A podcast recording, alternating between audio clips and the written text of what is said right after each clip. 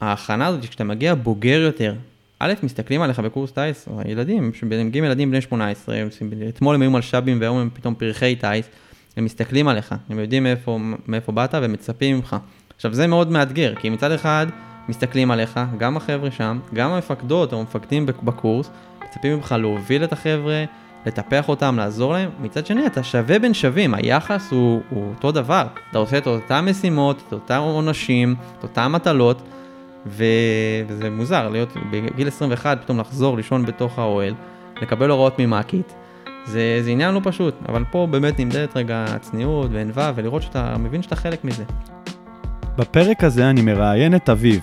אביב שירת כלוחם יחד איתי ביחידת 669, ולקראת סוף השירות הצבאי החליט להתמיין לקורס טיס. אביב צלח את המיונים, התגייס לטיס, סיים קורס טיס והיום משרת כטייס לאחר מגוון תפקידי פיקוד והדרכה, ביניהם סגן מפקד טייסת. בפרק אביב יספר מה גרם לו אז, כלוחם ב-669, לנסות ולהגיע לקורס טיס. מהם הקשיים, הלבטים, התובנות והמסקנות בראייה לאחור על המהלך הנועז. יישארו איתי לפרק מעורר השראה. היי חברים, ברוכים הבאים לפודקאסט זה הכל בראש. אני אליאור, שירתי כלוחם ומפקד ביחידת 669, ומצאתי שהשירות הצבאי נתן לי המון כלים ותובנות לחיים הבוגרים. בא לי להנגיש עבור חבר'ה לפני צבא את הערך הפוטנציאלי העצום שטמון בשירות משמעותי. בפודקאסט אני מראיין אנשים שעשו שירות משמעותי, נדבר על הדרך לשם, ההתמודדויות והכלים שזה נתן להם לחיים הבוגרים, דרך הפריזמה של התפתחות אישית וחוסן מנטלי. אני מזמין אתכם להצטרף לפרקים מלאי תוכן וערך ולשתף על מנת שגם אחרים יוכלו להיחשף לתכנים הללו. זה הכל בראש, מתחילים. איזה פרק מחכה לכם היום, מאזינים יקרים. הפרק גם אני מאזין, מתארח איתנו אביב. אביב שירת איתי ביחידה 669, עשינו מסלול ביחד. ובסוף המסלול, אה, בעצם אה, בפלגת לוחמים, אביב יצא לקורס טיס, אז גם לי יש המון שאלות ודברים שאני רוצה להבין ממנו. אז אה, תהנו, חכה לכם פרק מדהים.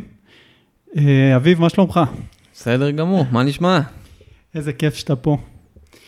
תודה שבאת, שמצאת את הזמן אה, להגיע. בשבילך הכל, בוא'נה, אתה חלק מהסיפור הזה גם, אז בכלל הצופים יהיו שמחים. אז אה, אחרי ההקדמה הזאת, אה, ניגש ישר ולעניין, תספר על עצמך, מה עשית בשירות הסדיר ומה אתה עושה כיום. מעולה, אז אה, אני בן 32 היום. את המסלול הצבאי התחלתי, כמו שתיארת, ב-669. קצת לפני אני אספר איך, איך בכלל התגלגלתי לשם. ובסופו של דבר עשיתי איתך מסלול, עשינו מסלול של שנה וחצי ב-669, ועוד קצת יותר משנה ומשהו ב- כלוחם ביחידה, לוחם מבצעי עם כל המשימות ודברים שאנחנו עוד מעט אה, נפרט. ואיפשהו לקראת סוף השירות, לקראת הכניסה לקבע, בער בי החלום, והחלטתי שאני אשלים אותו, ואנסה בכל כוחי לצאת לקורס טיס. וכך היה, ובעצם יצאתי לקורס טיס, סיימתי אותו אחרי שלוש שנים, ומשם התגלגלתי כטייס סדיר בחיל האוויר, עד התפקיד האחרון של אה, סגן מפקד טייסת. וואו, מסלול מרתק, אני מניח שגם כל מי ששומע אותנו חושב ככה.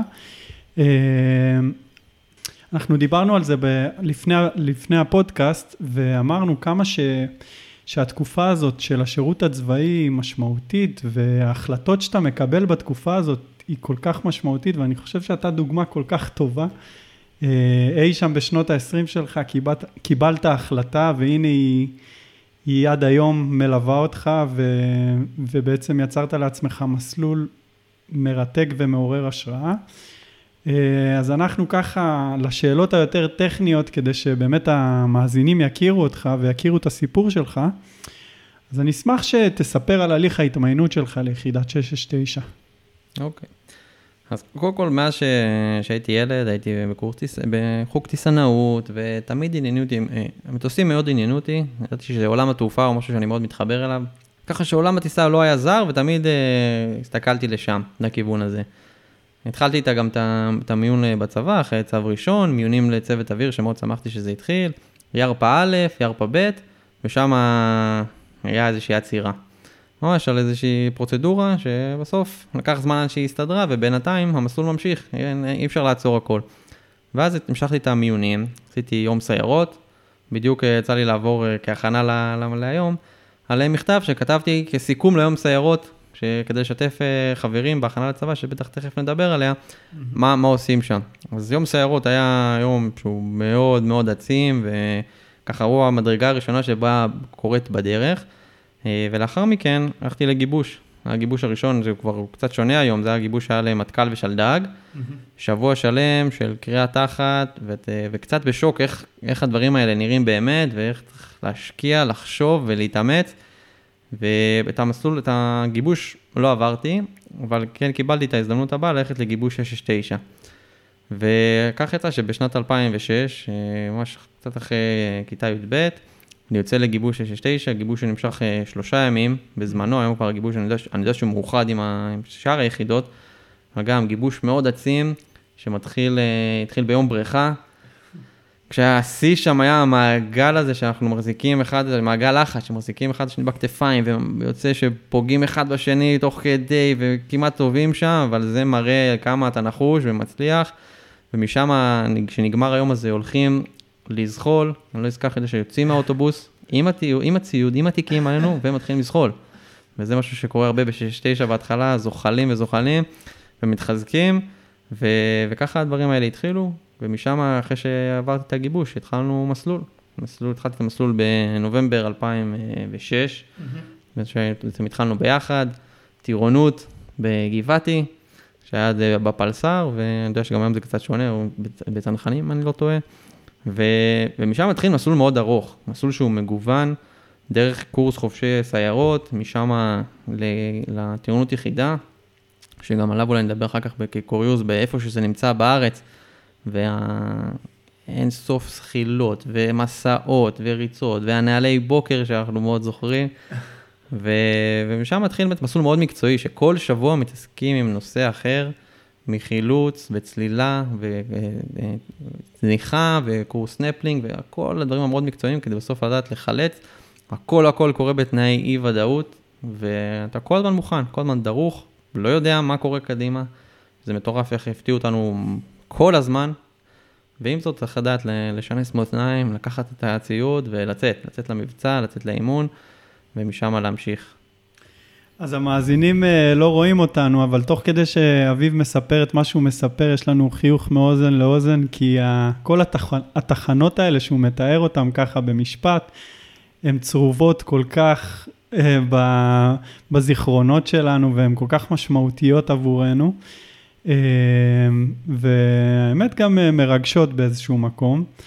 והתחלת ככה לספר על התחנות שלך בדרך, במהלך השירות הצבאי, אבל אני רוצה לקחת אותך דווקא אחורה, להליך ההכנה שעשית לצה"ל. זאת אומרת, אני רוצה להבין, אה, אתה סיפרת שהנושא הזה של טיס ישב אצלך איפשהו בראש והוא תוצאה של הסביבה, הסביבה שלך בבית וחלום ילדות. אבל מרגע שטיס לא הלך, איך בעצם משנסים מותניים ומחליטים, אני הולך על שירות קרבי, הכי קרבי שאני יכול, מה עשית כדי להגיע, כדי לעבור גיבוש כל כך מפרך? אני אשמח שתספר על הליך ההכנה שלך. מעולה. אז uh, כמו שתיארת, בסוף כשאומרים לך, רגע, זה לא, מה שתכננת, אז, אז זה לא הולך לשם, צריך רגע. אנחנו נדבר על עוד רגע מאוד, רגע משברי כזה שקרה גם בקורס טיס. אבל עוד שמה, כנער, שעוד בכלל עוד לא התחיל אה, שום דבר, הרגע הזה הוא, הוא מכונן. אני מבחינתי רציתי להמשיך לעשות את הדבר הכי גבוה והכי טוב שאני יכול גם לעשות בשביל אה, לתרום למדינה, וגם בשביל שיהיה לי הכי מעניין ו, ומיוחד שאני אוכל שזה יהיה. ולכן המשכתי עם המיונים, המיונים המיוחדים לגיבוש, לגיבוש, סיירות, גיבושים וכל מה שיכולתי לעשות הלאה. עדיין זה, זה שלב מסוים שצריך להחליט ש, שלא מוותרים.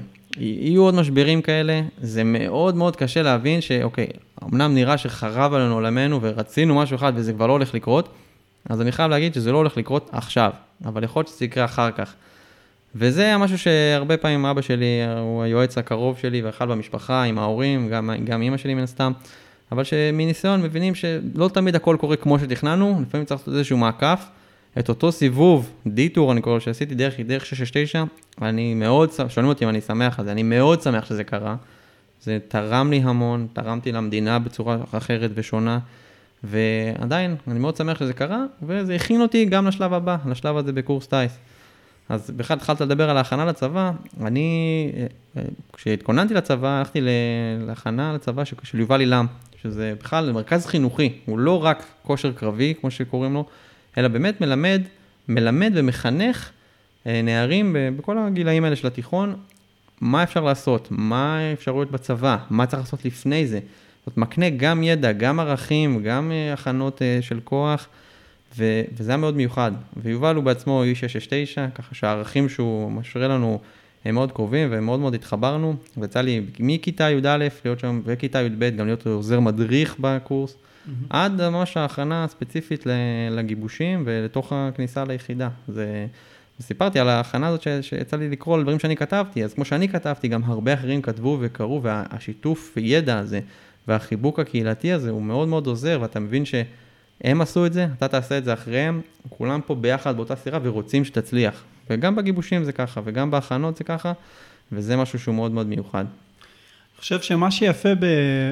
בנגיד אה, ארגון כמו של אה, יובל אילם, זה גם הסביבה הזאת, שאתה נמצא בסביבה של אנשים מאוד אמביציוזיים, שמאוד רוצים להגיע רחוק, מתאמנים, אה, וגם שיש לך איזשהו מנטור, בן אדם כזה שעשה את זה, ונותן לך כלים, ויש לך עם מי להתייעץ. ואולי במילה תספר על, על זה שיובל הגיע לסוף קורס הטיס שלך, נכון? יש פה עניין סמלי, אבל לפי דעתי הוא מייצג מאוד את הקשר העמוק הזה. נכון. ממש בסוף קורס טיס אה, מזמינים דמות משפיעה. אז כל אחד יש לו את הדמות שלו, חלק לקחו משפחה. מי שהשפיע ועזר לי בדרך היה יובל, והזמנתי אותו גם למפגש אה, מפגש אישי של אותם משפיעים עם מפקד חיל האוויר, קיבל ממנו תעודה ויש איזה מפגש מרגש כזה. ולסוף הקורס, ממש לטקס עצמו, הוא הגיע, פגש את ההורים, עשו בדיוק כתבה, שאולי אנחנו נפרסם אותה אחר כך, כתבה בחדשות, ומראים אותו איך הוא, איך הוא מגיע, ומדברים על הערכים, ומראה שבסוף, גם כשאנחנו נופלים בדרך, יש משפט מאוד יפה, שהתהילה שלנו לא נמדדת ביכולת שלנו ליפול, אלא כדי לקום לאחר הנפילה הזאתי. ולכן, כשאתה מצליח להתעורר ולעלות על משהו, שעל משבר מאוד גדול שקורה בדרך, זאת הגדולה, הוא מאוד מחנך על הדברים האלה. וזה היה מרגש, גם הוא, הייתי קורס 164, והייתי טייס 164 שהוא כבוגר שלו, וזה חיבור שעד היום אנחנו בקשר וממשיכים לדבר, וגם יצא לי כמה פעמים לבוא אחר כך עוד להעביר שם אימונים בקהילה, במרכז. וואו. אז למי שמתלבט ותוהה מה, מה החשיבות של אה, להירשם לאיזשהו מקום כזה שמכין אותך לצבא, אז הנה. יש, יש בזה גם קצת צניעות להגיד, אוקיי, אני לא, לא יודע הכל, מה שאני יכול להשיג לבד הוא מוגבל, ואולי שווה לי כן לקבל כלים מאנשים אה, אחרים. אה, נכון, אני רוצה להוסיף שבאמת מה שאמרת מאוד חשוב, האוכלוסייה שנמצאת איתך והחבר'ה שאיתך, זה משהו שמאוד תומך, גם מדרבן אותך, גם האפקט של התחרות והתמיכה ההדדית הזאת הוא מאוד מאוד חשוב, וזה מאוד מאוד עוזר בסוף לבחור מי, מי נמצא סביבך כדי להתקדם קדימה. האמת שזה עולה בהקשרים מאוד רחבים במהלך הפודקאסט, שהרבה אנשים אומרים שאנחנו נהיים הממוצע של העשרה אנשים שאיתם אנחנו מסתובבים, ושל הספרים שאותם אנחנו קוראים, ואיך שאנחנו צובעים את התודעה שלנו, בעצם זה מה שאנחנו הופכים להיות. תהיה בסביבת אנשים שרוצים להגיע לקרבי, יש סיכוי שלא תגיע, אבל אתה, אתה תתקרב לשם. אתה, אתה בכיוון, מה שנקרא. התחלת לדבר על המסלול ב-669, בא לי שה, שהמאזינים גם ירוויחו גם את האספקט הזה של טיס, שעליו אנחנו עוד נדבר, אבל גם קצת מהחוויה ב-669, אולי טיפה יותר לפרק את זה. אה, איך, איך נראה באמת המסלול הכשרה והלוחמה? אה, מה מנסים להעביר שם? מה, מה מצפים מאותו נער הזה שמתגייס ל, ליחידה, בן 18? דף חלק, למה מנסים להפוך אותו ולמה? העיקרון של הלוחם חילוץ הוא עיקרון האי-ודאות. בסוף, כל המסלול, כל ההכשרה נובעת מזה שיום אחרי שתסיים את זה, אתה תהיה כשיר ללכת לחלץ ולהציל חיים. זה גם מה שעשינו אחרי, וזה באמת קורה. כל האפקט ואיך שהסביבה הזאת קורית, היא באמת בתנאי ודאות. יצא לנו בלא מעט, גם במבצעים אחרי המסלול, גם בפעילות אה, אזרחית שיצא לנו לחלץ, אתה לא יודע מתי זה יגיע. אתה לא יודע אם זה יהיה באמצע הלילה, תוך כדי שאתה ישן, רץ, לא משנה איפה, אתה תמיד חייב להיות מוכן, שהדבר הבא שקורה, זה יש סירנה, ואתה מתייצב במסוק ויוצאים לחלץ אה, פצוע. וכשיוצאים לחלץ פצוע, אתה, הקרו, אתה עושה הכל כדי שהחיים שלו ינצלו, לכן חייבים להיות באמת באמת מוכנים ובזמן. ולכן המסלול הוא בנוי על כך, בנוי על תנאי אי ודאות האלה, אנחנו עוברים את זה בצורה מאוד מאוד אה, תדירה, שאנחנו באמת לא יודעים קדימה, כמו שסיפרתי מקודם, ובנוסף לזה, המסלול הוא מאוד מקצועי, זאת אומרת, מהטירונות יחידה, ששם הופכים אותך באמת ללוחם, עוברים שבועות ארוכים מאוד של מטווחים, וכל אחד על המקצוע, אם זה מטול או נגב או כל דבר, ויורים המון המון תחמושת, מסעות, שאתה אף פעם לא יודע מתי הם יתחילו, מתי הם ייגמרו, כמה תסחוף בדרך. לנו לסחוב אחד את השני, אחד על השני, כדי, כדי, כדי לדמות שאתה עכשיו מושך פצוע, ואתה חייב לדעת לעשות את זה. זה מאוד קשה, ורק להתאמן בדברים האלה, זה הדברים היחידים שיכולים לעזור. אחרי זה, אה, התחלנו, עשינו לפני זה קורס חופשים, ופה אתה פעם ראשונה מתגלה למחזות שלא, אמנם זה חלקם בתמונות ובדימויים, אבל זה מכין אותך מנטלית לראות, ש... לראות פעם ראשונה פצוע, אמיתי, זה אירוע משברי. ואני לא אשכח את החילוץ הראשון שיצא לנו לעשות, היינו בכוננות בחצרים, והיה איזושהי תאונת דרכים שהייתה ספק פיגוע שהורידו רכב מהכביש, ונפצעה שם אישה בצורה קשה. ופעם ראשונה לראות את זה, זה, זה באמת קשה, וצריך להתעלות ולהתחבר לכל האימונים שעשית כדי לא לעצור. אין סיכוי שאתה תהיה באיזשהו פריז, כי צריך לטפל. ואני זוכר שאת זה לא הצלחנו, והרבה פעמים ביחידה לא, לא תמיד סופרים מה הצלחת, אלא כמה לא הצלחת דווקא, כי אתה תמיד רוצה לעשות ולהצליח עם כל הפצועים שקורים. אבל איך שחזרנו ועוד היינו בהלם ממה שקרה, כבר לא הספקנו להתארגן הלאה ויצאנו לעוד חילוץ מוצלח, וככה לאט לאט בשירות. אז בהמשך לזה, בשירות עושים לא מעט שבועות שעובדים עם מסוקים, עובדים עם יחידות אחרות, מתאמנים. כל נושא מקצועי, שזה גם בסנפלינג, שצריך לחלץ בצורה כזאת שהמסוק לא יכול להגיע אליו וצריך עכשיו לרדת עם חבלים, ומן הסתם אמרנו עם מסוקים ובמים, וגם ההתמחויות שעשינו ביחידה, וחלק התמחו יותר בשבועות של, של מים וצלילות, וחלק בשבועות של סנפלינג. שנינו היינו בשתי קצוות שונים, אז ככה שחווינו את כל, ה, את כל הסקאלה פה. וממש ב-669, אולי תכף נגיע לזה, היה אחד השיאים שיצאנו, זה היה עופרת יצוקה, שנת 2000, סוף שנת 2008, תחילת 2009, סיפור גם שסיפרתי בכתבה. בסוף, משום מקום, היה שם איזשהו דוץ של טנק שירה על בית של גולני בתוך הרצועה, ונכנסנו עם שני אסורים, פינויים מאוד מאוד קשים. כשאני זוכר, החלוץ הפצוע הראשי שקיבלנו שם היה פגוע ראש, גם איבריו נקטעו, והיינו צריכים עם טכנולוגיה חדשה שהגיעה ליחידה, עם תחבושת שעוצרת דימום, לטפל בפצוע, כמעט חשבנו שהוא, שהוא כבר לא איתנו, אבל אחר כך, כשנחתנו בבית חולים, היה איתו רעיון לאחר כמה חודשים וראו שהוא בסדר. אמנם פגוע ראש, אבל הוא, אבל הוא חי, והמשפחה מודה לזה, ולנו, ואתה מבין שלפעמים נוצר קשר כזה בין הפצועים ללוחמים, למשפחות, שבסוף, אם לא היינו שם, לא היינו מגיעים, לא בטוח שהוא היה שורד. ואיזשהו קורס שקרה שם, אני סיפרתי להורים אז שאני באיזה אימון בכלל, כי לא רציתי שידאגו, ובדרך כלל מטשטשים את הפנים שלנו כשאנחנו נוחתים ב... אז דווקא התמונה הזאת הגיעה לחדשות, ואז כבר לא היה לי מה להסתיר.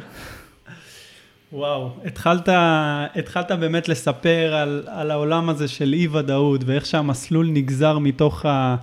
תוך הדבר הזה, באמת מהרגע הראשון, אולי אפילו מהגיבוש, שאתה, אין לך מושג מי נגד מי, והדבר הראשון שאתה שומע זה כולם, כולם פול, בזחילה מה... כדי ליצור את הזעזוע הזה, וכל הזמן מזעזוע לזעזוע, והרעיון הוא באמת להכין אותך למציאות, שרגע אחד אתה יכול לשבת בבסיס ו... ולהמתין, ורגע אחר אתה יכול לזנק, לזנק ל... לאירוע הכי קשה שהיחידה תפגוש אי פעם. ובאמת המסלול, נגז... נגזרת של המסלול זה האי ודאות הזאת. דיברת גם על, ה, על העניין המקצועי, שזה עולמות תוכן מאוד מאוד uh, רחבים, שרק על כל אחד מהם אפשר להתעכב שנים בכיף, ומנסים במהלך המסלול לגעת בכל עולם תוכן כזה, שבכל אחד כזה יש מטען מאוד רחב של ידע, מנסים לגעת הכי, הכי יסודי שיש ולהביא אותך ל- לרמה הכי יסודית שיש, כי בסוף, כמו שאמרת, זה חיי אדם. אה, אני, זה ממש אה, מעניין, אני מאוד אה, ממהר איתך, כי יש לי כל כך הרבה שאלות שאני רוצה להספיק, אז ממכם המאזינים אני מבקש סליחה על זה שאנחנו לא מעמיקים יותר בשירות ב-6-9. טוב, זה אתה תשלים עם עצמך, יש לך פה, יש לנו לוחם. ו... כן, כן. אני, אני רוצה לקחת אותך לרגע הזה, שאתה בפלגת לוחמים, ממש לא, לא הרבה זמן אחרי שסיימנו מסלול והחיוך על הפנים שלנו, מסלול הכשרה מאוד מאתגר, מאוד קשה, מקבלים סיכה, סוף סוף קוצרים את הפירות, אה, לוקחים חלק בעשייה המבצעית, שכמו שתיארת, מתרגמת להצלת חיי אדם, שאין דבר נעלה יותר מזה. ספר לי על הרגע הזה שבו החלטת, אוקיי, סבבה, אבל אני רוצה להתגייס לטייס. אז תראה, זה, את זה תמיד ידעתי, זה ישב, מהרגע שאמרו לי לפני הצבא, זה לא הולך לשם, מבחינתי היה לעשות הכל כדי שמתישהו זה כן יהיה. ולכן, כשהבנתי שזה לא קורה באותו רגע, המשכתי עם המיונים ועם עם המסלול, וכשזה הסתיים, זה משהו באופי שלי שתמיד מחפש את הדבר הבא. ויכולתי לעשות את זה גם מיד, אה, באמצע, בערך קצת אחרי המסלול, שאותו הפרוצדורה שלא הסתדרה אז. אה, נסתיימה. ובחרתי לא לעשות את זה באמצע, להשלים את מה שהיה, להשלים את המסלול, להשלים כמה שיותר מהמסלול, מסלול הלוחמים, אחרי, אחרי שסיימנו את ההכשרה, ובעצם לנסות לבחור את, ה, את העיתוי שזה יקרה. ואז הייתה לי הדילמה מתי זה, מתי היה הזמן הנכון. אז בערך כמה חודשים אחרי שסיימנו את המסלול, התחלתי רגע להתניע את התהליך, תהליך בירוקרטי לא קצר, לבקש, להתמיין. עכשיו, בחיל האוויר ובכלל בצה"ל, מי שמתאים ויכול, בדרך כלל יכול אה, לקבל את האישור לנסות להתמיין לקורס טייס, כי מחפשים טייסים, בסוף זה, זה חסר. ומי שיכול להתאים לזה, אז תמיד ישמחו לתת לו את ההזדמנות. ככה שכמה חודשים אחרי, בחרתי להתחיל את התהליך, וכשראיתי שזה הולך ומתקדם, אמרתי, אוקיי, אני באמת אשלים פה שנה וחצי מסלול, עוד שנה וחצי כמעט של, של לוחם, ומשם אנחנו נצא. אני אצא ל, ל, ל, לנסות להגשים את החלום. כשברור לי שיש פה את הסיכון הכי גדול כנראה שלקחתי בחיים עד אז. אבל צריך לדעת שבחיים צריך להעז, ויש משפט ביחידה המקבילה שלנו, שקראו לה פעם 269, שהמעז מנצח. ו... וצריך להאמין בעצמך ולהאמין בדרך, ואנחנו נדבר על זה אולי עוד כמה פעמים בהמשך. אם אתה חושב שאתה יכול, אז תנסה, צריך להאמין בזה בכל הכוח, ומשם אה, תהיה הכי טוב שיש, ואולי זה יצליח. מקסימום, מקסימום תצליח, מה שנקרא. אה, אני מסכים. יש לי שאלה, אולי העובדה שסיימת מסלול ב-669, זה בעצם נתן לך רוח גבית. אמרת לעצמך, אם אני מסוגל לעשות את זה, אני כנראה מסוגל לעשות עוד הרבה דברים אחרים שאולי חשבתי, או היו לי ספקות לגביהם, זה, זה גרם לך לאיזשהו אה, שיח כזה עם עצמך? אז, אה, אז זה דווקא יותר אפילו הלחיץ אותי. למה? כי ברגע שכבר סיימתי, אמרתי, רגע, מי הוא שגם יעשה גם את זה וגם את זה? בזמנו עוד לא היה מישהו שעשה את המסלול כמוני, שעשה קודם 669 ואחר כך קורס טייס. היה הפוך, אנשים שנפלו מקורס טייס והלכו ל-669. ככה שההימור הזה, הוא היה יחסית גדול, כי לא ידעתי מה, מי אני שאני חושב שאני אצליח גם וגם, ו... ואתה גם מסכן את כל מה שכבר השגת, ואם זה לא יצליח, אז לאן אני אחזור? אני אחזור ליחידה, אני אחזור למקום אחר. אבל ניסיתי לנטרל את כל המה אם לא, תמיד צריך שיהיה לך תוכנית בקאפ, uh, אבל צריך ללכת לתכנן הרבה יותר את התוכנית הראשית. ואם התוכנית הראשית היא טובה והיא תצליח, לא תצטרך את התוכנית בקאפ. תמיד נכון שהיא תהיה בצד, אבל uh, לכן לשאלתך, דווקא ההימור הזה גרם לי ליותר uh, פחד מה ילך ויהיה. אמ, אבל אה, בסוף החלטתי שזה מה שיהיה, וסיפרתי לך קודם, כינסתי את כל הצוות ועדכנתי אתכם שזה מה שהולך להיות, שבסוף לוחם ב-669 כבר שנתיים וחצי בצבא, והולך לעשות גיבוש טיס. משם זה התחיל, וזה היה אקט אה, מפחיד, אבל אה, חשוב בדרך. וואו, אני רוצה שתספר במילה, שיתפת אותי לפני הראיון, זוהי צניעות במיטבה.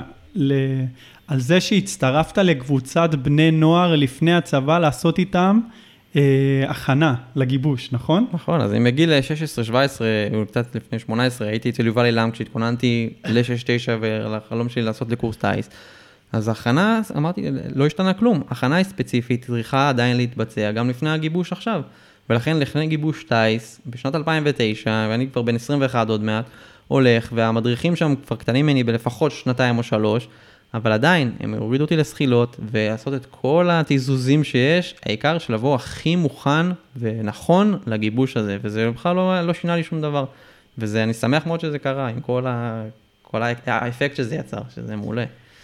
זה, זה מעניין ואני שמח שאתה אומר את זה, כי זה מסר, מסר למאזינים, שלא משנה באיזה פוזיציה אתה, איפה אתה עומד, עבודה קשה, עבודה קשה אה, זה המפתח.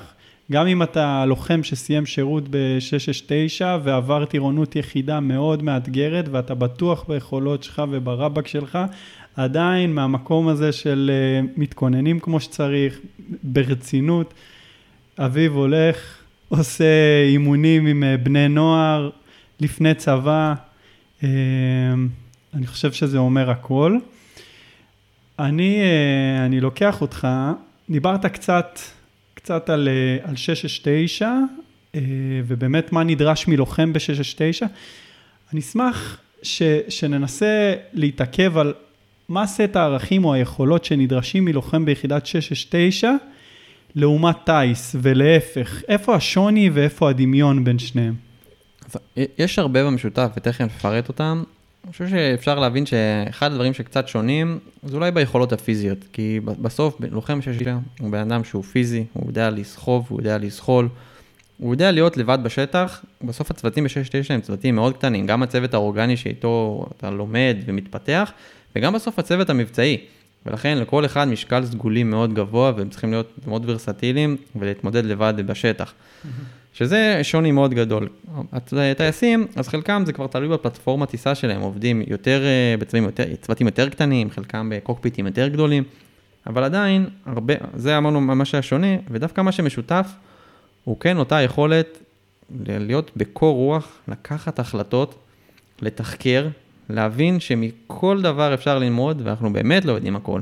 כל משימה או כל טיסה היא שונה, צריך להתכונן אליה, צריך להבין מה יכולנו לעשות יותר טוב, ולהבין איך משפרים. לדעת לשאול את הלמה הזה. חיל האוויר בנו על האפקט התחקיר של מה היה, למה היה ואיך לשפר. מתעסקים עם זה גם ב-669, גם בקורס טייס, ומן הסתם גם אחרי.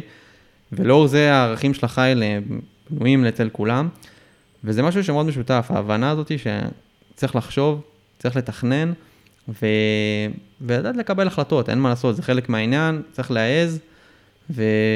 וזה אני חושב שמאוד משותף uh, לשני התחומים, בסט הערכים הזה. אז העובדה ש... שהגעת אחרי קילומטראז' מסוים ב... עם סט הערכים הזה ב... מיחידת 669 למסלול בטיס, באה לידי, לידי ביטוי uh, במסלול? הקלה עליך באיזשהו מקום? כן, תראה, זה שעשיתי את המסלול קודם, אז אה, קודם כל זה היה כבר, אמרנו, אחרי מעל שנה ביחידה, רציתי לצאת אחרי שכבר היה, יש תקופה רזה ביחידה, שבו הצוות הוא באמת, הוא עסוק מאוד, הוא, הוא עושה המון כוננויות, המון שבתות, ורציתי לתת את שלי ולעזור גם לצוות ולראות שאנחנו לא, שאני לא יוצא ואני מפקיר את הצוות.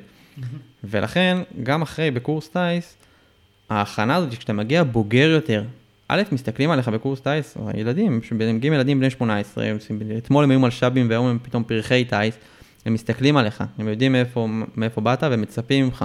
עכשיו זה מאוד מאתגר, כי מצד אחד מסתכלים עליך, גם החבר'ה שם, גם המפקדות או המפקדים בקורס, מצפים ממך להוביל את החבר'ה, לטפח אותם, לעזור להם, מצד שני אתה שווה בין שווים, היחס הוא, הוא אותו דבר, אתה עושה את אותן משימות, את אותם עונשים, את אותן מטלות, ו...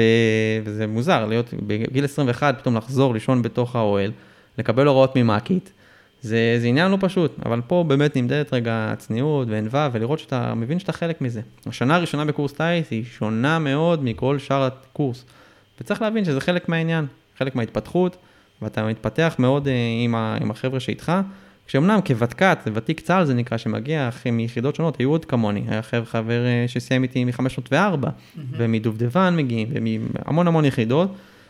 ומצפים ממך, אני מסמן עם הידיים, איך הם יעלו ויתפתחו ברמה, ולך אסור לרדת. ולאט לאט אחרי שנה שכולם פתאום הולכים לטוס, ואז באמת יש איזה אישור קו שאף אחד לא יודע לטוס, אז כולם באיזשהו אותו level, אבל עד אז זה מאוד עוזר לך בבגרות להוביל את החבר'ה, להיות, לקדם אותם, ומצד שני לשמור גם על עצמך ולראות שאתה מצליח להתקדם הלאה וללמוד, שזה חלק לא, לא פשוט בכלל. וואו. אה, היה לי מאוד מעניין לשמוע את איך חווית את זה, כי זה באמת, אה, אתה יודע, אתה טועה פתאום למצוא את עצמך במעמד של אה, טירון, אפשר להגיד. ואתה אומר, היתרונות האלה גם בהרבה, בהרבה מקרים הם גם מעמסה. אה, ודיברת על הסטנדרטים, שלא מורידים סטנדרטים, זה לקח אותי למשפט מהטירונות. כן. הסטנדרט לא יורד אף פעם. אף פעם. אה, זה מעניין, זה, יש הרבה קווי דמיון ב-DNA. אה, אני רוצה לשאול אותך שאלה בנוגע לסביבה. אז יש את הסביבה התומכת שדיברנו עליה, אם זה יובל אילם, אם זה המשפחה ככה שהכירה את החלום הרחוק, שאני מניח שהגיבה בחיוב ונתנה לך רוח גבית. בוא, בוא נעשה שנייה זום אאוט על כל הסביבה, על אלה שאמרו לך, מה, אתה משוגע? אחי, מה אתה עושה? אז זה באמת התגובה הרווחת, 70 אחוז היא בתגובה הזו, שאומרים, מה, מה למה? לא יכול להיות. ואפילו בסביבה הקרובה, גם ההורים, אימא שלי חשבה שאני צריך לסיים את המסלול ואת השירות ביחידה, והגיע הזמן, ונלך לאקדמיה ונתפתח. אבא שלי, שהוא מצד השני, מאוד הבין אותי, תמך ודחף, ולכן זה כבר במשפחה הקרובה יש את הפיצול הזה. גם ב, ביחידה, בצוות, אפילו בצוות הקרוב, חלק מאוד הבינו, הכירו אותי לעומק, ידעו שזה משהו שאני לא אוותר עליו בחיים ואני אנסה להגשים את החלום הזה כמעט בכל מחיר, וחלק לא הבינו מה הוא משוגע, כאילו זה לא הגיוני מה שקורה פה, ולכן צריך תמיד להקשיב לסביבה, ואנשים תומכים ועוזרים, מצד שני, גם תדע לאן אתה מכוון, כי אין מה לעשות, לפעמים ה- היזמות הזאת והחדשנות, לא תמיד בסביבה יודעים לקבל אותה, ואנחנו רואים את זה גם בחיים שלנו ביום-יום, עם כל, כל מיני נושאים אחרים בכלל אזרחיים, שזה בדיוק אילן, אילון מאסק, או כל אחד כזה שהוא שונה, לא תמיד הסביבה יודעת להכיל את זה, אה, לפעמים טוב שהסביבה עוצרת דברים כאלה, כי לפעמים זה הולך או מגיע למקומות לא נכונים, מצד שני, לפעמים יש גם דברים טובים שצריכים להתפתח גם אה, בעצמאות ולהאמין בדרך, מה שנקרא. מסכים איתך, אני שמעתי איזה משפט לא מזמן, שכשאתה אומר לי לא, שאתה לא מסוגל, אתה משרטט לי את הגבולות שלך. Uh, הרבה אנשים uh, שיש לך איזה יעד שאפתני שאתה משתף אותם, אז מהמקום המפוחד שלהם הם uh, משקפים לך את דעתם. ואני חושב שכמו שאמרת, צריך לשמוע, להקשיב להכל, ו... אבל באמת אה, להקשיב לעצמך, להאמין בעצמך וללכת עם החלום שלך עד הסוף. סליחה לאלו שזה נשמע להם קלישאה, סליחה, אבל הנה עוד פרק שאנחנו מראים שכל הקלישאות האלה במרכאות הם הכי מציאותיים שיש, אה, ומי שהיה שם ועבר את זה, את הדרך, מבין כמה שהקלישאות הגדולות והמפוצצות האלה, בסוף זה החיים. אה, אז דיברנו על הסביבה, אה, גם ביחידה, גם במשפחה. גם, אה, גם בנוגע למודל דיברנו, על אה, יובל אילם, אבא שלך, יש עוד איזשהו מישהו שככה עזר לך? זהו, אז לצערי, בתקופה ההיא לא, לא באמת הכרתי מישהו שהוא טייס או מישהו שהוא קרוב אליי מספיק, אבל תמיד תבקשו עזרה, תמיד תשאלו מישהו שמכיר. ואז העובדה שהיינו ביחידה, אז יצא לי כמה פעמים בתל נוף, מי שלא מכיר, אנחנו, היחידה יושבת שם עם היסורים, אבל יש שם עוד אה, טייסת או שתיים נחמדות שיושבות שם, F-15, באז. ובימים הכ- בימי הכוננות שיצא לי להיות שם, הלכתי וביקשתי והתחברתי עם איזשהו טייס והלכתי אליו הביתה לשיכון משפחות וישבנו ודיברנו ואני עוד אה, מסתכל על קורס טייס שהוא רחוק, אבל האיסוף מידע הזה והחיבור לאנשי מקצוע וההבנה של מה יכול לקרות או מה אתה צריך לעשות בדרך הוא חלק מאוד חשוב, אז לא להתבייש, לא, לבקש, לא להתבייש לבקש ולנסות להכיר, והרבה מאוד פעמים בדרך אנשים ירצו לעזור. לפעמים דווקא זה שאנחנו מתביישים ולא רוצים לבקש, אנחנו לא יודעים שיש בצד השני מישהו שבאמת רוצה לעזור לנו ולתמוך בנו, למרות שאנחנו לא מכירים אותו בכלל. אז זה איזשהו מסר חשוב, אה, שאני שמח שניצלתי אז, ואני מעריך את עצמי כיחסית ביישן, אבל במקומות האלה שהיה לי מאוד מאוד חשוב, אז אה, צריך טיפה גם לצאת החוצה מהביישנות הזאת ולנסות, לנסות. זו נקודה חשובה שאני רוצה להתעכב עליה. אני כבר עכשיו, אמנם הפודקאסט טרי, מקבל תגובות ושאלות מחבר'ה מאזינים, ואני רוצה להגיד שזה מרגש ו- וכל כך כיף לעזור וכל כך כיף לתת, כי כשאתם באים ושואלים את אותו לוחם או את אותו טייס או את מישהו ש... את אותו המישהו שצעד בדרך, איך מגיעים לשם. זה יושב על מקום מאוד עמוק, זה, הוא רוצה לתת לפעמים הרבה יותר משאתם רוצים אה, לדעת, כי זה יושב על המקום הזה של כן, גם אני הייתי נער, גם אני, היו לי את השאלות האלה, גם אני אה, לא ידעתי אם אני מסוגל, ו, ויאללה, עכשיו הגיע התור שלי לתת, וזה סגירת מעגל מדהימה. אז אל תתביישו ו, ותשאלו ותיצרו אה, חיבורים. טוב, תשמע, זה, יש לי פה שאלה אליך, שהיא, אפשר לדבר עליה לא מעט. מה הכלי המרכזי שעשית בו שימוש כדי להתמודד עם קשיים, גם ב-669 וגם בטיס? אז אה, לא יודע אם אפשר לקרוא לו כלי, אבל עצם זה שאתה מתכנן וחושב קדימה, זה, זה משהו שהוא מאוד מרכזי.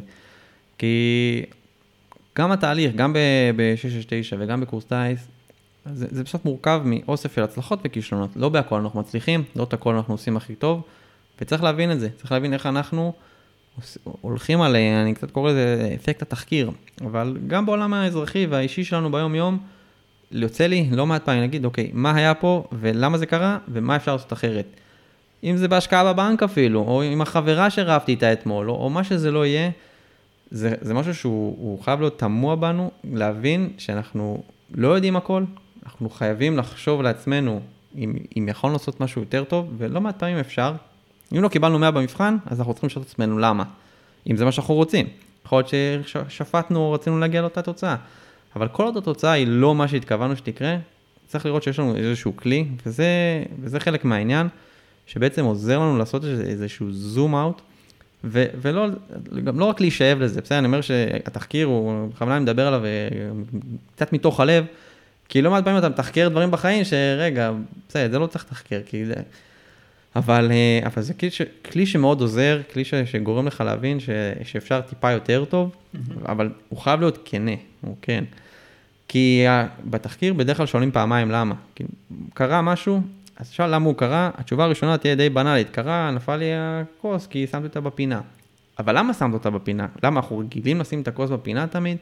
ולכן הפעם השנייה שאתה שואל למה, בדרך כלל תביא את התשובה יותר עמוקה של מה קרה לך פה ואיך אתה תעשה את זה אחרת. זה, זה כלי שאני מאוד ממליץ לכם לנסות, תשאלו את עצמכם פעמיים למה, אחרי שהבנתם מה קרה, ואז, ואז אולי תקבלו איזושהי מסקנה שתגרום לכם לשפר או לשנות הרגלים ולהביא תוצאה יותר טובה. מעניין. יש, יש את אותם uh, קשיים פיזיים, את אותם קשיים שצצים תוך כדי הדרך. אתה יודע, גם במסלול ב-669 וגם שאתה בניווט וקר לך ואתה רעב ויש uh, גשם ואתה יודע, איזה פיק כזה שהוא מאוד קשה.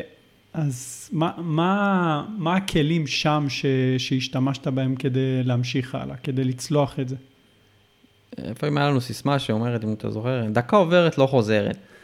בסוף הזמן עובר, זאת אומרת, לא משנה מה תעשה, זה יעבור. אז לפחות בזמן הזה תעשה את הכי טוב שאתה יכול.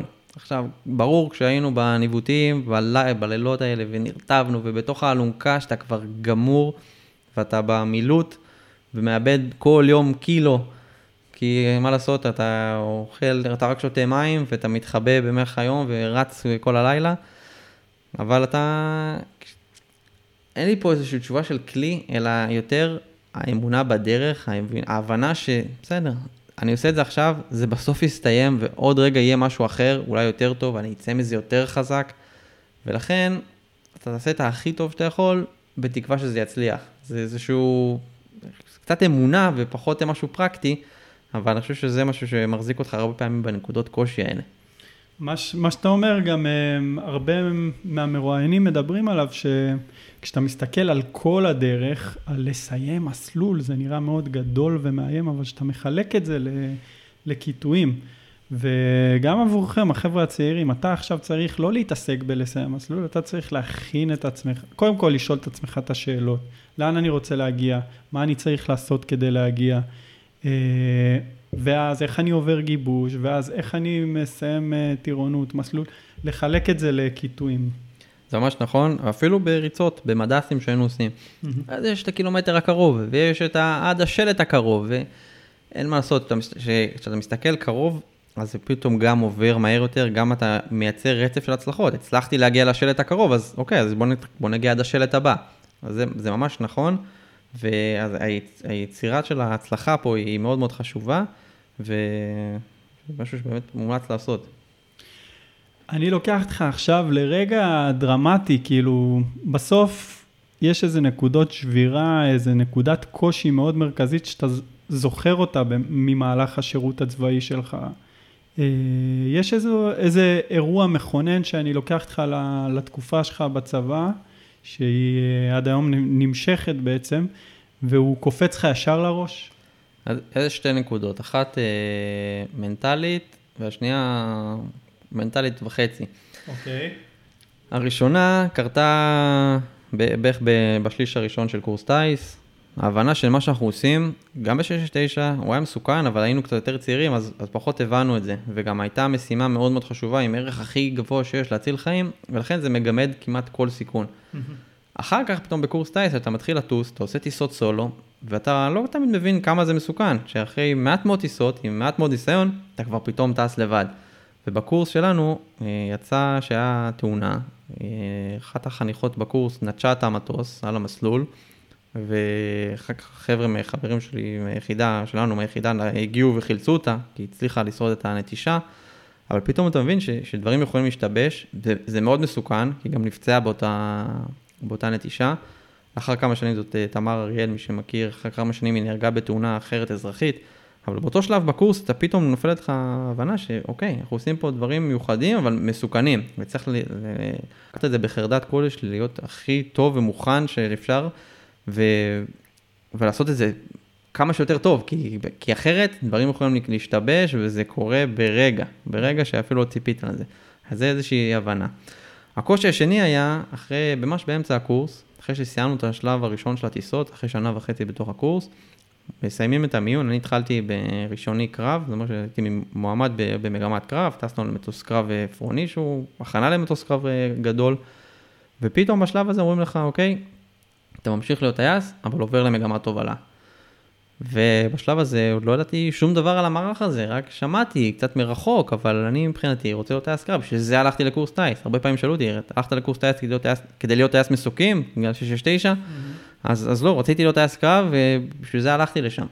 ופתאום השיפט הזה שעושים לך, כדי, כדי שתהיה במקום שיותר מתאים לך ונכון לך, ו, ומשם תתקדם קדימה, זה שלב שמאוד קשה, הרבה פעמים אנשים לוקחים את זה לאגו בכלל, במקום להבין ש, שזה המקום המקצועי הנכון עבורם.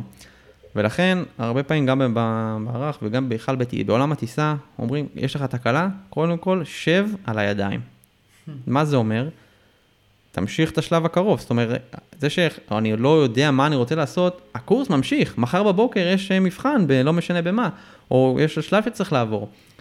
והמטוס טס, זאת אומרת, יש תקלה, המטוס ממשיך, צריך להמשיך להטיס את המטוס, להמשיך לעשות את מה שקורה כרגע, ובמקביל לחשוב. עכשיו, לחשוב, לקחת את הזמן, למה הוא לשבת על הידיים? כדי לא לעשות שום פעולה נמהרת, ולחשוב, ולא להוציא את זה משהו מהבטן. וזה היה השלב שהייתי צריך לחשוב באמת עם עצמי, אם זה מה שאני רוצה, ושוב, באמת בשלב הזה אמרתי, אני לא בטוח, אבל אני הולך להתייעץ. לא רוצה לשלוף שום דבר, והלכתי, דיברתי עם המון המון אנשים שהם גם מהמערך התובלה, אנשים בעלי ניסיון, והלכתי לטוס במטוסי תובלה כדי לראות איך זה נראה בכלל מהצד השני.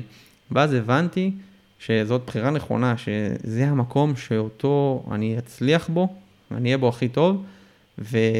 ואני גם יותר אולי אהנה מזה.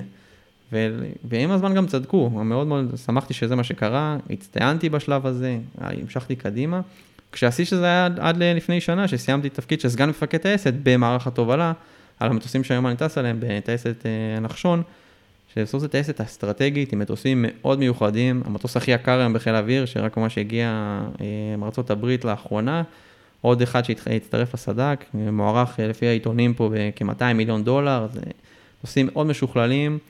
וזה יכולות שאלה, שאני מאוד שמח שיש לי מדינת ישראל, ואני חלק מהפלטפורמה הזאת ומוביל בתוך הטייסת הזאת, ואותה בחירה שעשו לי לפני יותר מעשר שנים, היא בחירה שאתה באותו זמן לא ידעתי להסביר אותה, אבל עם הזמן אתה מבין שיש גם אנשים חכמים לידך, ואסור לשלוף. אסור לשלוף, צריך לחשוב ולהתקדם משם.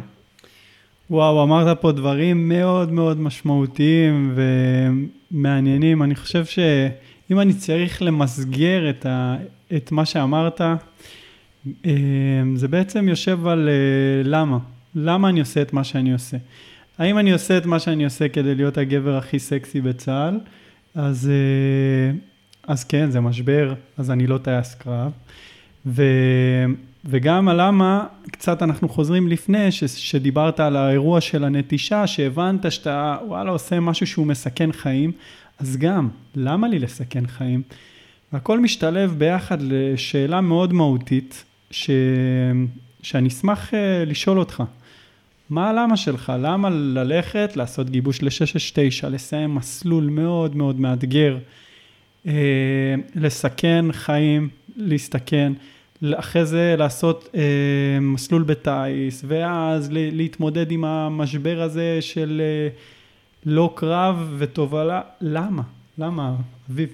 שאלה מצוינת, אני חייב להגיד שכשחשבתי עליה, אה, זה לא משהו שאתה מתעורר בבוקר ואוקיי, מחר אני קם בבוקר, ולמה אני קם? כי 1, 2, 3.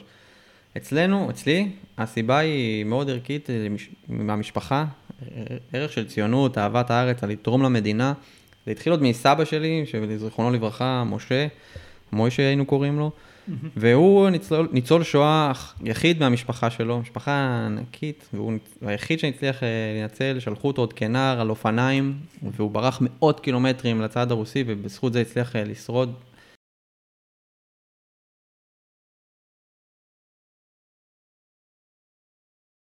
ואחרי שהוא עלה לארץ, אז אבא שלי, שהוא בן לשתי אחיות, היה צריך להמשיך את השם משפחה, וכשהוא התגייס לקורס טייס בזמנו, היה צריך לעברת את השמות.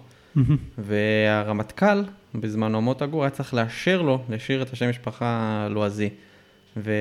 וזהו, כשהמשכנו הלאה, גם אה, יש לי אח, אז שנינו המשכנו את השם משפחה, וכשהיינו צריכים, אנחנו, אני צריך שאחרי קורס טייס לשנות את השם משפחה, אה, עשיתי איזה שינוי קטן, אבל תמיד להישאר עם השם משפחה המקורי. ולכן כל הלמה הזה, זה, זה הולך מאוד מאוד אחורה לאהבת הארץ והרצון לתרום לביטחון המדינה.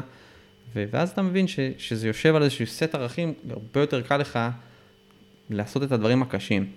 ואחרי זה, זה קצת יושב על דברים יותר קרובים אליך, שאני רוצה לעשות את הדבר הכי טוב, הכי מיוחד, ו, וגם טוב, אפשר תמיד להרחיב מה, מה זה טוב. אבל uh, משם, משם זה נבע, וזה תמיד היה יושב לי כשהיה לי בראש, איך מתמודדים עם הקושי הקרוב, זה, זה ככה.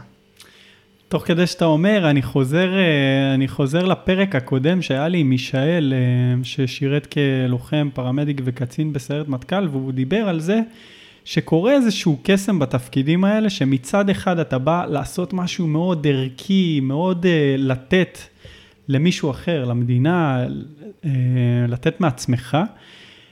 ויחד עם זאת, מבלי לפגוע בדבר השני, אתה עושה לעצמך כל כך הרבה. אתה נכון. בהתפתחות אישית, ואתה מקבל כל כך הרבה כלים uh, לחיים ו- ולעצמך, שזה קסם, נראה לי, ש- שקורה בצבא ב- ברמות uh, מאוד גבוהות. Uh, אז אני שמח ש- שהזכרת את זה, uh, וגם אני שמח שדיברת על זה שהלמה הוא מורכב, והוא... Uh, מורכב מכמה דברים. אז שאלה שהיא באמת אה, ברורה לכולנו, אה, האם השירות הצבאי עיצב אותך בתור אה, בן אדם בוגר? אז אנחנו, מי שמאזין לפרק הזה כבר מבין כמה שהוא עיצב אותך, אבל יש כמה דברים ש, שאתה שם לב אפילו שהפכו להיות חלק מהתת מודע שלך כזה, משהו שהוא חלק מה-DNA שלך, אני יכול להגיד עליך, שאתה מאוד מסודר ודייקן, ואתה חושב שזה משהו שהתעצב במהלך השירות הצבאי? אין ספק שאתה מגיע עם איזשהו סט כלים או ערכים ש... לצבא, ופתאום משהו שם מעצב אותך, אנחנו מגיעים לשם בגיל 18, אני כבר 15 שנה בצבא, אין ספק שעצם זה שאתה נמצא עם האוכלוסייה הזאת שהיא מאוד דומה, גם, גם אוכלוסיית הצוות אוויר, ומן הסתם גם שהיינו בצוות, היינו יחסית דומים אחד לשני, ולכן הדברים האלה ביחד מעצבים את, ה, את המי שאתה. עכשיו, כל קושי או כל תהליך שעברתי בדרך, מן הסתם, גם תרם לזה. עכשיו, כשהיינו, כשהייתי עוד צעיר, אז, אז הוא היה עוד יותר גולמי, היה צריך הרבה דברים כדי לעצב משהו. אבל עם הזמן, מהגילאי ה-20 ו... כולל הקורס טייס שסיימתי רק בגיל 24, אז uh, כל אחד מהם עיצב אותי עוד קצת, עוד שלב, פתאום אהפוך להיות קברניט בטיסות, מן הסתם אוסיף לזה, וכל הכלים הנוספים גם תרמו לזה. ואני חושב שהדברים האחרונים, דווקא ב, גם בשירות שלי כ, כסגן מפקד טייסת, שם היה איזשהו, עוד, עוד איזשהו עיצוב, כי פתאום פעם ראשונה יצא לי להיות בתפקיד פיקודי משמעותי, שאתה רואה את כמות האחריות והסמכות שיש לך, והיא אינסופית פתאום, אתה אחראי על יום שלם בטיסות, ועל האנשים, ועל הבטיחות שלהם, ועל ההכשרה שלהם, וזה עשרות עד מאות אנשים אה, כל שבוע, ופתאום ההבנה הזאת, וה... שנופל לך האסימון שרגע, זה אתה, מה שלא אתה תיזום שם, כנראה לא יקרה, זה עוד איזשהו נדבך שמעצב אותך ומאוד מבגר אותך. אני הרגשתי שבשנתיים האחרונות בתפקיד, כולל המעבר אה, לגור בשיכון המשפחות בבסיס נבטים, הוא משהו שתורם, תרם לי אישית, מאוד מאוד ביגר אותי, וכל האחריות הזאת, אני גם מאוד נהנה ממנה, גם מיכולות הפיקוד וההובלה, ומן הסתם גם כל הארגון של זה.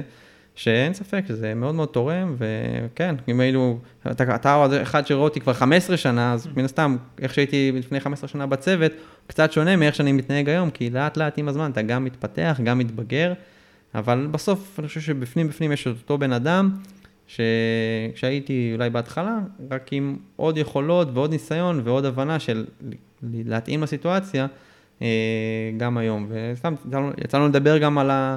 על היכולות בצוות, זאת אומרת, גם היום אני אומר, רגע, אם הייתי עושה אחרת, אולי תכף נדבר על זה, מה הייתי עושה אחרת, אז זה חלק מה, מהכלים או הדברים השונים ש, שלאורך הזמן, אם, איך הייתי מתמודד בצוות פעם לפני 15 שנה, או איך אני היום אה, עושה אחרת או עושה משהו בטייסת, אני בטוח שברספקטיבה אחורה, אתה מבין שפה יכולת לעשות אחרת, ופה אולי קצת שונה, אבל זה חלק מאיזשהו ניסיון ובגרות שהם חלק מתהליך בסוף.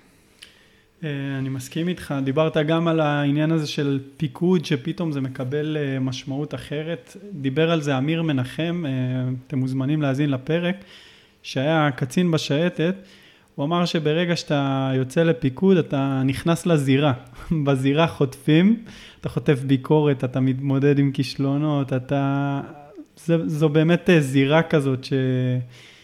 שהיא פחות נוחה, אבל היא מאוד מפתחת, אה, וממה שאני מבין ממך זה גם משהו שאתה חווה כיום. נכון, אתה, אתה מג'נגל המון המון דברים בו זמנית, שכל פעם מיש, מישהו קצת לא מרוצה. התפקיד הוא לראות שלא אותו מישהו לא מרוצה, כל פעם הוא לא מרוצה, אלא כל פעם זה מישהו אחר. יפה, ניסחת את זה יפה. אה, ועוד משהו ש... שנגעת בו, זה היכולת לתחקר את עצמך מצד אחד, אבל לא לתת לתחקיר אה, להוריד אותך. זאת אומרת להבין, אוקיי, פה יכולתי לעשות משהו אחרת, אבל לא לתת לביקורת העצמית הזאת אה, להוריד אותך ולפגוע בביצועים שלך עכשיו, כי זה משהו שנראה לי צריך לשים עליו דגש. כבן אדם שמתחקר את עצמו בכל פסע ביום יום שלו, צריך לראות שהתחקור הזה לא הופך ל...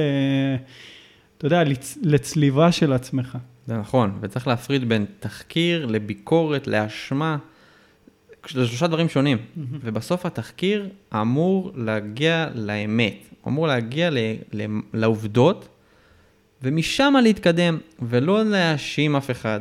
וגם הביקורת היא, היא, לא, היא לא בדיוק המקום הזה, כי זה לא שאתה הולך אה, לבקר את עצמך, אלא אתה הולך להבין מה קרה דווקא. Mm-hmm. ובסוף בסוף אמרנו, המטרה היא, להשתפר, המטרה היא לעשות יותר טוב, ולאו דווקא לחפש את האשמים. ברור שאולי אחת הסיבות היא הסיבה, או במרכאות האשמה של מה שקרה, אבל זה לא לב העניין. הלב העניין הוא למה זה קרה דווקא, ואיך משפרים, וזה משהו שהוא מאוד, מאוד לא טריוויאלי, כי אנחנו אנשים מאוד ביקורתיים, גם כאנשי צוות אוויר, ובכלל, אני חושב, בסביבה שלנו, ולפעמים זה קשה, שאתה מל, מלכה את עצמך על איזשהו כישלון שעברת, ולפעמים צריך לדעת שרגע, זה, גם זה קורה, ועכשיו צריך לראות מה עושים עם זה, אבל לא ליפול לפינות האפלות האלה שמשם לא יוצאים. לגמרי, אני אומר את זה לבני נוער שמאזינים לנו, צריך כל הזמן להקשיב לשיח הפנימי הזה שלנו עם עצמנו. הרבה, בהרבה מאוד מקרים אנחנו לא היינו מדברים כמו שאנחנו מדברים לעצמנו, לאנשים אחרים, לעולם. אה, אם זה לצלוב את עצמנו, ואיך לא הגעתי, ואיך לא אה, התעוררתי לאימון, ואיך לא הגעתי ראשון בספרינטים, ואני לעולם לא אגיע. צריך להקשיב, להבין אה, מה השיח הפנימי שלכם ולעבוד על זה. אה, וזה משהו שהוא מלווה, אני שומע בפודקאסט הרבה מאוד אנשים מוכשרים שעושים חיל גם בצבא, עשו חיל וגם באזרחות, הם אומרים, שמתי לב שלאורך השנים, לצד האמביציה והרצון להצטיין, היה לי ביקורת עצמית שבהרבה מאוד מקרים הורידה אותי. צריך להיות ערים לזה, ואני שמח שזה עלה. עכשיו אני לוקח אותך לשאלה מפוצצת, רומנטית כזאת. אה, אני מחזיר אותך לתיכון, לאביו שעומד לפני הגיוס לצה"ל. אין לו מושג איזה מסלול, איזה עשור מטורף הוא הולך לעבור, וכשאני אומר עשור מטורף, חשוב לפתוח סוגריים ולהגיד למאזינים, תראו, הפודקאסט הזה, אנחנו, אני יושב עם אנשים שחתך הגילאים הוא 30, עשור אחרי הצבא, ו- ורק כעבור עשור אנחנו מבינים כמה השירות הצבאי עיצב אותנו וכמה שהוא היה משמעותי. אז קחו את המטען הנורמלי כביכול ותוסיפו לזה עוד גיוס לטיס, ועכשיו, אחרי כל זה, אחרי כל ההקדמה הזאת, מה היית אומר לו, לאותו אביב שאין לו מושג מה הוא הולך לעבור? אומר לו קודם כל אה, להאמין בדרך, כי כמו שאתם כנראה הצופים או המאזינים אה, מרגישים היום, יש לחץ, יש לחץ, אם זה אישי, אם זה מהבית, מהחברים. וצריך לראות שאנחנו מצליחים אה, גם להרגיע את עצמנו בשלבים האלה, ולהבין שיש כל כך הרבה משוכות בדרך, אבל זה צריך לחלק את זה, צריך לעשות את זה אחד-אחד, להאמין בעצמך, ועדיין להכין, אמרנו בהתחלה, את, ה, את אותו backup plan, תוכנית ב', אבל לנסות כמה שיותר להאמין ולחשוב איך כן מצליחים, אבל עדיין להירגע, וזה מאוד קשה, כי אין מה לעשות, מבחנים זה מלחיץ, ומיונים זה מלחיץ, אבל... כשאתה מחבר את כל הדברים האלה ביחד, ומתכונן נכון, ועושה את זה בשיתוף, ושואל שאלות, ומבין לעצמך שאתה בהגדרה לא יודע הכל, אבל תצטרך לשאול את האנשים ואת העזרה מסביבך, ואם לא הצלחת להגיע, אז תמיד יש איפה, אם זה, אם זה האינטרנט, או עוד אנשים, או דרך הפודקאסט, או כל מקום אחר, לא לפחד, אה, זה, זה מה שהייתי אומר לו, אה, להיות רגוע ולהאמין בדרך, שזה לא פשוט. מדהים. אה, אז אני באמת, צר לי שאתה צריך לכמת את זה בשלושה טיפים שהיית נותן לנער או נערה לפני הצבא, כי נער או נערה שמתגייסים לצבא, אפשר בכיף לקיים איתם שיחה של שעה, אה, ורק לחמש אותם בטיפים, אבל בכל זאת, אם ככה אתה צריך למקד את זה באיזה כמה טיפים כזה שיעזרו להם לצלוח את התקופה הזאת. אחד, להתכונן. זה... סליחה? אני חייב לתקן את עצמי, לא רק לצלוח, לצלוח זה לא מספיק, אלא לשגשג בתקופה הזאת. נכון. והדבר הראשון שאני הייתי עושה, או ממליץ, זה להתכונן. כל דבר בחיים, גם אם זה הצבא, או גם שנים אחר כך, אם זה הלימודים, או כל, ממש כל דבר שאתם תלכו ותעשו שהוא חדש, צריך לבוא מוכן. כשאתה בא מוכן, אתה בא עם כוח, אתה בא עם ידע, אתה אפילו יכול לקבל מזה גם ניסיון, ולכן לשאוב מידע, ללמוד, להסתכל, זה דברים שמאוד עוזרים. אתם לומדים היום בתיכון, אתם לומדים מכל האנשים שנמצאים מסביבכם, ההכנה הזו, הכנה לצבא, או כל מה שתחליטו שממנו תקבלו את המידע, הוא דבר מאוד חשוב ותשקיעו בו. דבר הבא זה לדעת, אמרנו, דיברנו על זה כתחקיר, זה לדעת להראות איך אתם ביקורתיים או עושים, מתחקרים את עצמכם תוך כדי, כי יהיו מאוד, לא מאוד, לא, הרבה מאוד שלבים שחלקם תצליחו וחלקם לא תצליחו. ולדעת לשאול את עצמכם את השאלות הנכונות בדרך, היא, היא סוגיה מעניינת, כי זה mm-hmm. לא, לא פשוט לעצור אה, ב, בתוך כדי הדבר הזה. ורציתי להגיד את ה, שהדבר האחרון הוא, הוא להאמין בעצמך, כי דיברנו על זה קצת קודם. אה, אני חושב שזה הסיפור. מה אתה חושב? אני מסכים איתך, מסכים איתך ממש. כל פעם ש, שאני, שאנחנו אומרים דברים גדולים כמו ל, להאמין בעצמך, אז אני צריך לעשות איזו אזהרת מסע כזאת של זה לא, זה לא אמירה מפוצצת, זה המציאות, זה המציאות. כל דבר שאנחנו רואים היום מתחיל בדמיון ובשאיפות ובחלומות של מישהו. אה, תסמנו, תסמנו, אל תזרמו לאיזשהו מקום כזה שמכתיבים לכם. תסמנו לאן אתם רוצים להגיע, קחו אחריות. לא, ש... לא חודשיים לפני השירות, אלא שנתיים לפני השירות, תתחילו לשאול את השאלות, לעשות את ההכנה. אם אתם שומעים אותנו, אתם כבר במקום טוב. אמ, ובהקשר הזה אני רוצה להגיד לך, ולהגיד גם למאזינים, שזה שאתה אה, טייס, פעיל, עסוק, אה, גם לומד תוך כדי. אה, עצרת שנייה והגעת לפה והתראיינת על הדברים ו... ונתת פה באמת מהזמן שלך, א', לא מובן מאליו, וב', זה, זה, אני חושב שמרגש וזה סמלי, זה מראה כמה, כמה הדברים האלה באמת הם יוצאים מתוך הלב וזה דברים שאתה מתכוון אליהם.